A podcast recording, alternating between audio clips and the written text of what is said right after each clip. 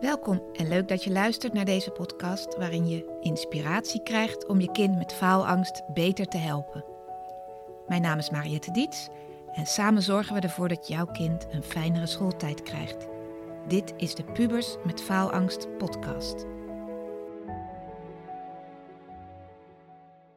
Universiteiten hebben een tijdje terug met elkaar afgesproken, de faculteiten geneeskunde, dat ze de stress bij hun studenten willen verlagen. Want ze hadden gemerkt dat studenten geneeskunde vaak gestrest zijn, last hebben van faalangst.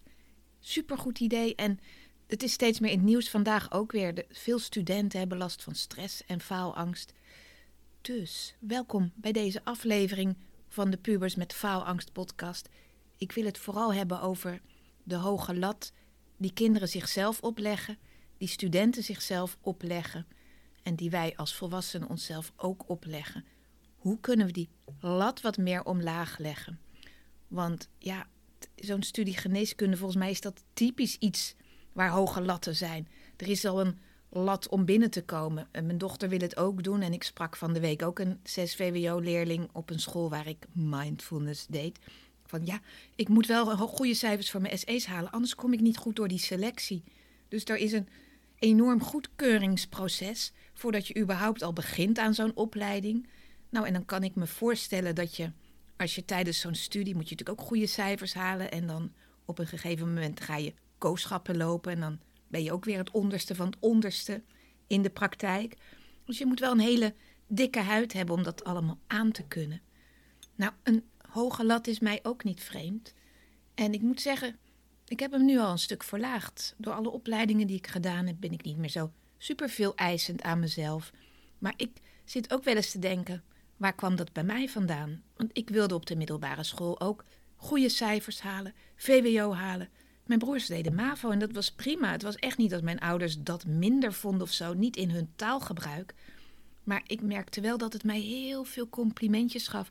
Oh, Mariette is zo goed. Mariette is zo slim. Mariette doet VWO, doet gymnasium, doet Grieks-Latijn, net als haar vader. Mijn vader was leraar Grieks-Latijn. Dus daar zat bij mij wel een stukje. Ik ben een hele lieve, goede meid, omdat ik dit allemaal doe. En dan ga je ook harder werken. Dus tijdens mijn studie ging ik ook heel hard werken, want ik wilde het wel goed doen. Eigenlijk is daar niks mis mee, want het is ook mijn drive om hard te werken. Maar er zit wel iets, een laagje in van mijn ouders. En ik merkte dat laatst. Toen was ik met mijn moeder van 88 op vakantie. En toen begon ze één keer in, de, in het jaar begint ze daarover. Ik ben benieuwd of je nog eens een keer gaat studeren. En zeg, wat bedoel je dan, mam? Ik heb nu mijn praktijk. Nee, maar dat je echt een titel haalt als psycholoog of zo. Dus als therapeut. Dus dat de hoek waar ik nu in zit, hè, met coaching, met uh, mensen begeleiden, maar nu ook dat hypnose, dat zweverige hypnotherapie. Ja, ik ben benieuwd of je daar nog eens een echte titel mee gaat halen. En het klonk nu, omdat ik nu 50 ben en prima in mijn vel zit en zelfverzekerd ben, klinkt dat als een hele andere wereld. Maar als je onzeker bent, dan zijn dat wel de, ja, de uitspraken die binnenkomen bij iemand. Oh, ik ben blijkbaar nog niet goed genoeg. Inmiddels denk ik, nou mam, jij snapt niet hoe het werkt. Ik zit nu in een hele andere hoek. Ik zou niet eens willen dat ik een psycholoog was en al die dingen ging leren. Want ik doe andere dingen. En ik heb die bevestiging niet nodig. Ik heb die titel niet nodig.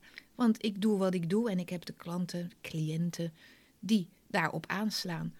Maar toen, toen ze dat weer ter sprake bracht, toen voelde ik echt van, ah, dit is dus hoe we um, als van jongs af aan, ook door opa's en oma's en tantes en ooms, uh, overtuigingen binnengelepeld krijgen. Toen ik een studie moest kiezen, in, ik weet nog dat ik in de vijfde, in vijf VWO, op een verjaardag zei misschien wil ik wel naar de PABO. dat heette toen al de PABO, was een HBO-opleiding, nog steeds.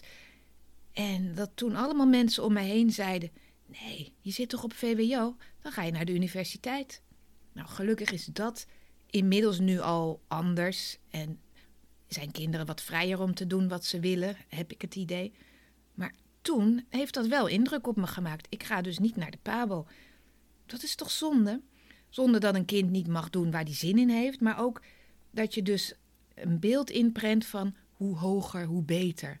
Als jij VWO kan, moet je VWO doen. Als jij kan studeren, moet je studeren. En misschien voel jij dat dat bij jou ook ingeprent is. En kijk je soms ook door die bril naar je kind.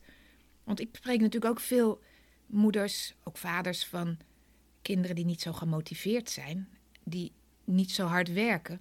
En dat ze allemaal zeggen: het zit er wel in, maar het komt er niet uit. Ja, wat zit er dan in? Een VWO-niveau? En is dat dan wat je kind gelukkig maakt? En moet dat er dan uitkomen?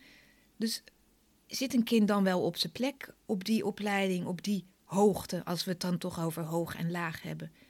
En dan moet je je eens afvragen van wie jij dan die gedachte weer hebt meegekregen. Want bij mij is die er echt onbewust ingeslopen. Ik dacht altijd dat alles mijn eigen keuze was. Maar nu, nu ik terugkijk, denk ik: nee, dit is er echt van jongs af aan ingelepeld. Dat een titel iets toevoegt aan je leven. Dat dat een studie, nou ja, dat. En nu heb ik een vrij beroep en het boeit helemaal niet wat voor titel ik heb. Ik uh, heb heel veel geleerd tijdens mijn studie. Maar het is nou niet die studie die bepaald heeft uh, wat ik met de rest van mijn leven ga doen of zo. Dus kijk eens welke speldenprikjes jij van je ouders hebt meegekregen. En wat je misschien toch onbewust ook aan je kind aan het meegeven bent. Want als een kind in 6 VWO zegt: Ik moet mijn SE's wel goed maken, want ik, ik wil graag geneeskunde en ik wil geen plan B.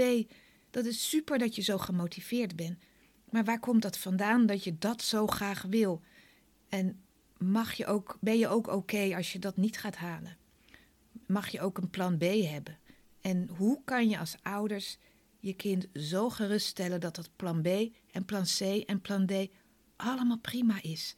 Al ga je vijf jaar wat anders doen en heb je daarna pas door wat je echt wil doen. Dat het gewoon goed is. Dat het fijn is dat je erover durft te praten.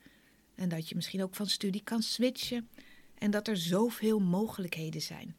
er zijn ook kinderen die eerst, ja, dat zijn wel de uitzonderingen natuurlijk, maar die lees je soms wel eens op LinkedIn. Van, nou, ik heb eerst kreeg ik VMBO-advies en toen stroomde ik door naar HAVO en toen ging ik ook nog VWO doen. En nu loop ik mijn kooschappen, want ik ga arts worden. Nou, dat zijn mooie, happy verhalen, maar het kan wel. En je kan ook eerst via HBO naar de universiteit gaan. Er zijn allerlei wegen als je überhaupt dat wil, een universiteit. Het hoeft niet allemaal rechtstreeks.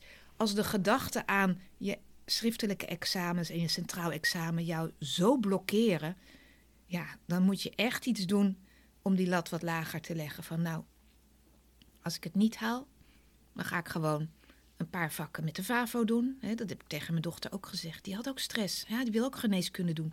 Waarom wil iedereen geneeskunde doen? Maar goed.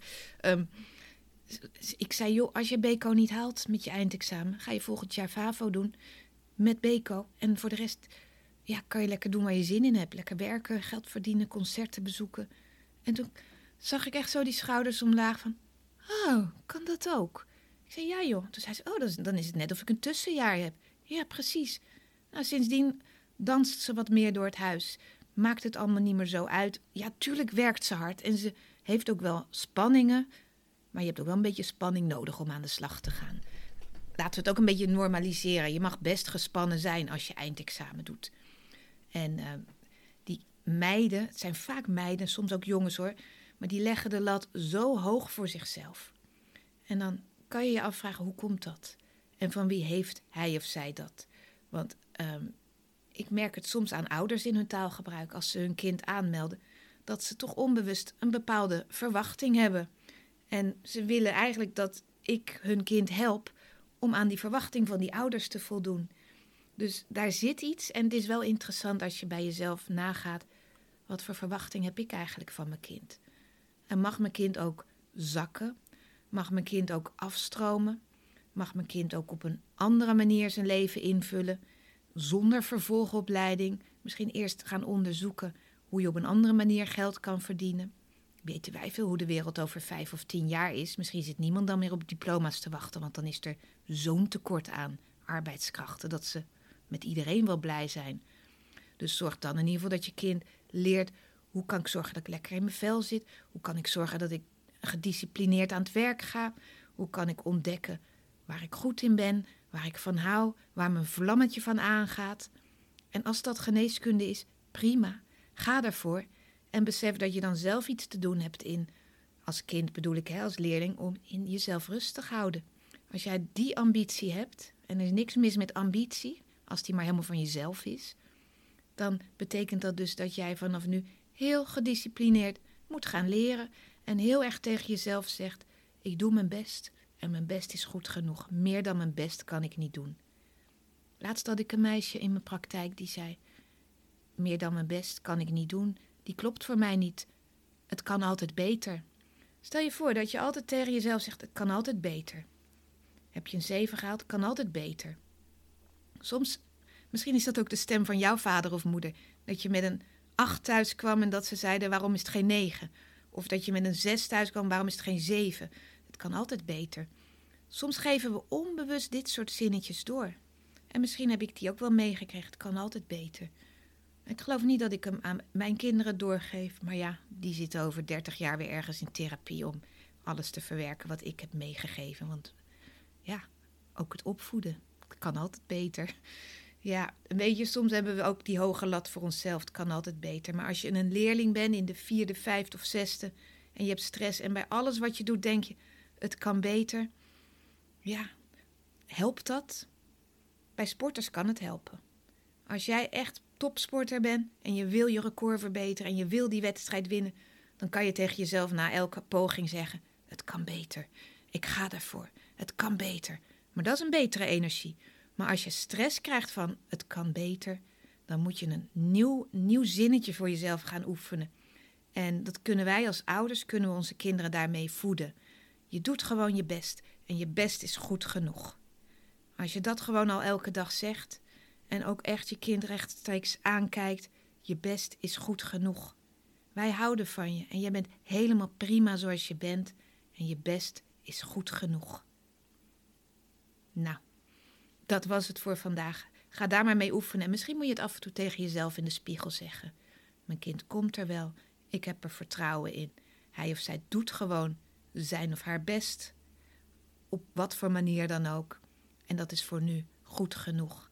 En jij doet het goed genoeg als ouder. En we doen allemaal maar ons best. En dat is goed genoeg. Fijne dag verder. En tot de volgende keer. Bedankt weer voor het luisteren naar de Pubers met Faalangst podcast. Wil je met mij sparren over jullie situatie? Dan kun je altijd een gratis kennismakingsgesprek inplannen via www.dietscoaching.nl. Vind je deze podcast interessant? Abonneer je dan en geef hem een goede review. Dat helpt mij enorm om nog meer ouders te bereiken.